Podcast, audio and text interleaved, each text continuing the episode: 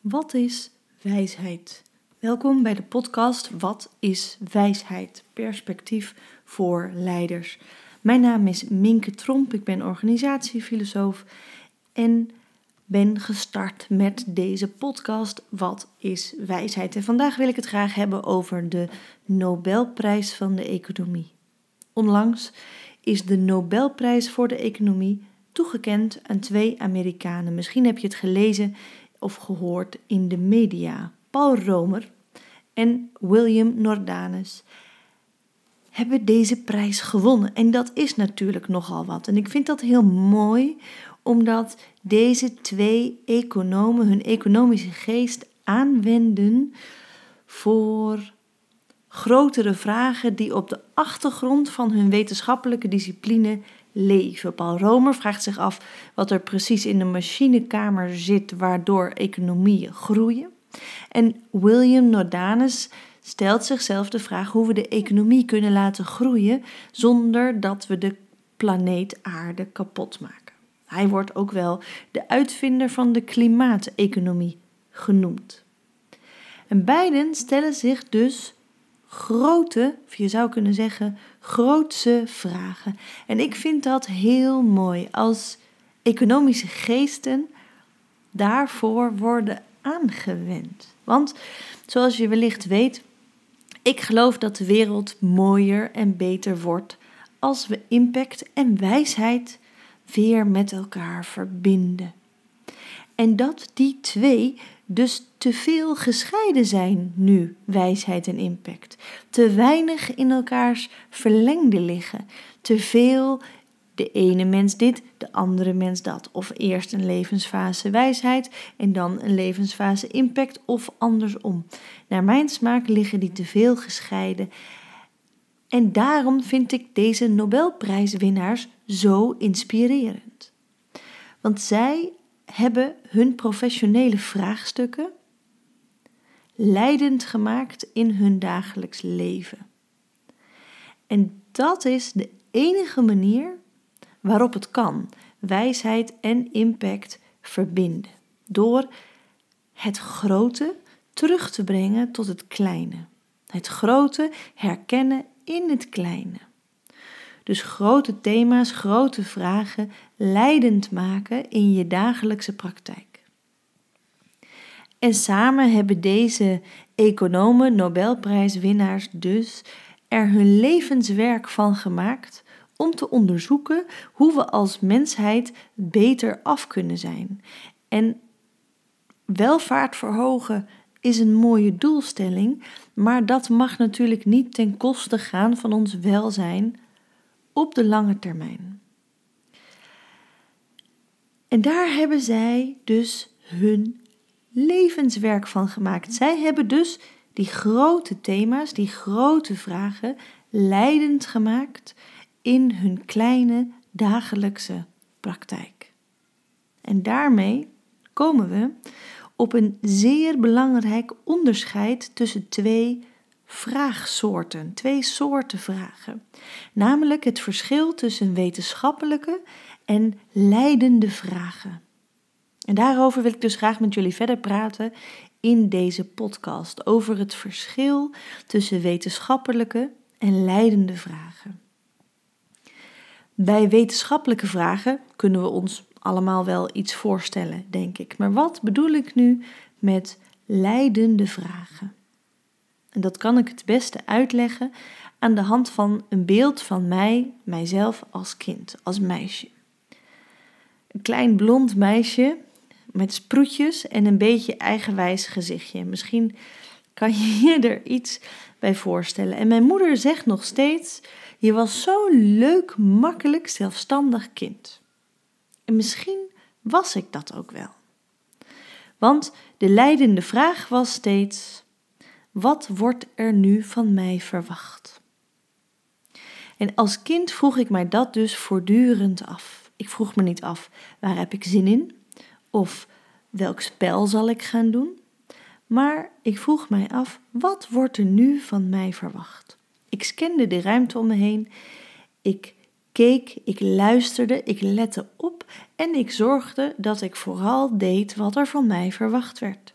Welke antwoorden ik moest geven, wat ik leuk moest vinden, wat ik wel mocht doen en wat ik niet mocht doen. Dus ik was erg gericht op en sensitief voor de verwachtingen in de ruimte om mij heen.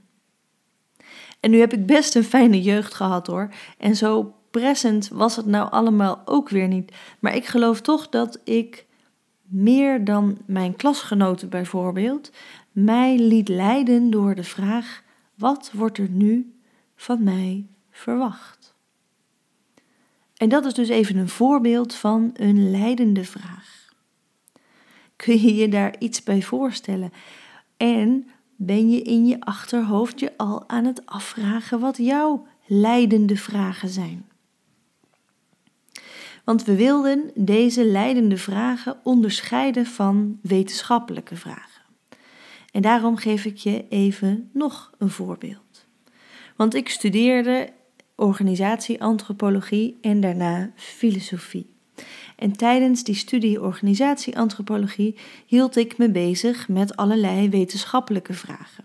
Over verandermanagement, organisatiecultuurontwikkeling of organisatiepolitiek. Maar toch waren dat niet leidende vragen in mijn leven op dat moment. En evenmin was uh, dat toen de vraag: wat wordt er nu van mij verwacht? Want die vraag had ik achter me gelaten. Maar tijdens mijn eerste studie was de leidende vraag, en ik heb die studie echt wel netjes afgemaakt, maar de vraag waardoor ik mij liet leiden in die dagen was: waar is het feest? waar is het gezellig? Daar was ik mee bezig. Dus hoewel ik daadwerkelijk tijd besteedde aan wetenschappelijke vragen, waren dat niet de leidende vragen in mijn leven op dat moment. En nu stel ik dus, terugdenkend aan deze Nobelprijswinnaars, dat het zo mooi is dat zij de wetenschappelijke vragen leidend hebben gemaakt in hun dagelijks leven. En weet jij het eigenlijk van jezelf? Wat jouw leidende vragen nu zijn in jouw dagelijks leven? Misschien is het wel: hoe houd ik mijn hoofd boven water? Of als je veel mensen aanstuurt, hoe krijg ik ze in het gareel? Of hoe houd ik de kikkers in de kruiwagen? En dat komt best vaak voor hoor, dat mensen met grote verantwoordelijkheden um, zich met, deze vragen bezighouden. En soms is dat ook heel reëel. Hè? Dus hoor daar alsjeblieft geen kritiek in. Um, maar de vraag is: wat is wijsheid? Want natuurlijk is organisatiepolitiek echt. En ik zie graag leiders die daar oog voor hebben en zich staande weten te houden in zo'n veld. En ik heb daar echt veel respect voor. Want dat is gewoon ontzettend knap.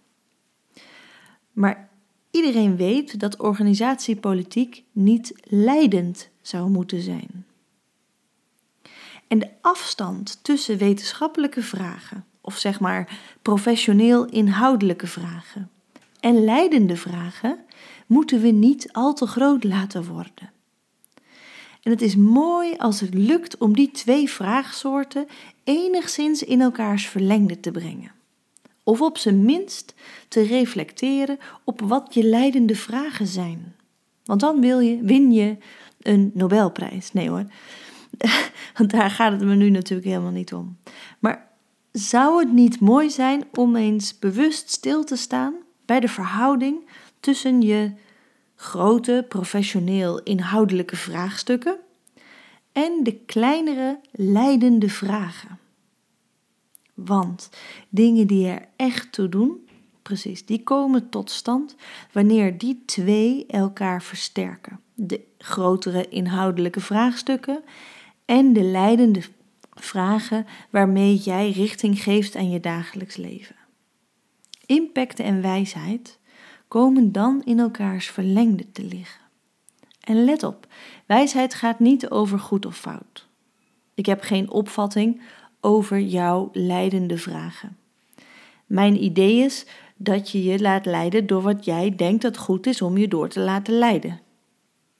Nog eens, mijn idee is dat je je laat leiden door wat jij denkt dat goed is om je door te laten leiden. Niets meer en niets minder. En als dat lukt, dan is dat namelijk al heel wat.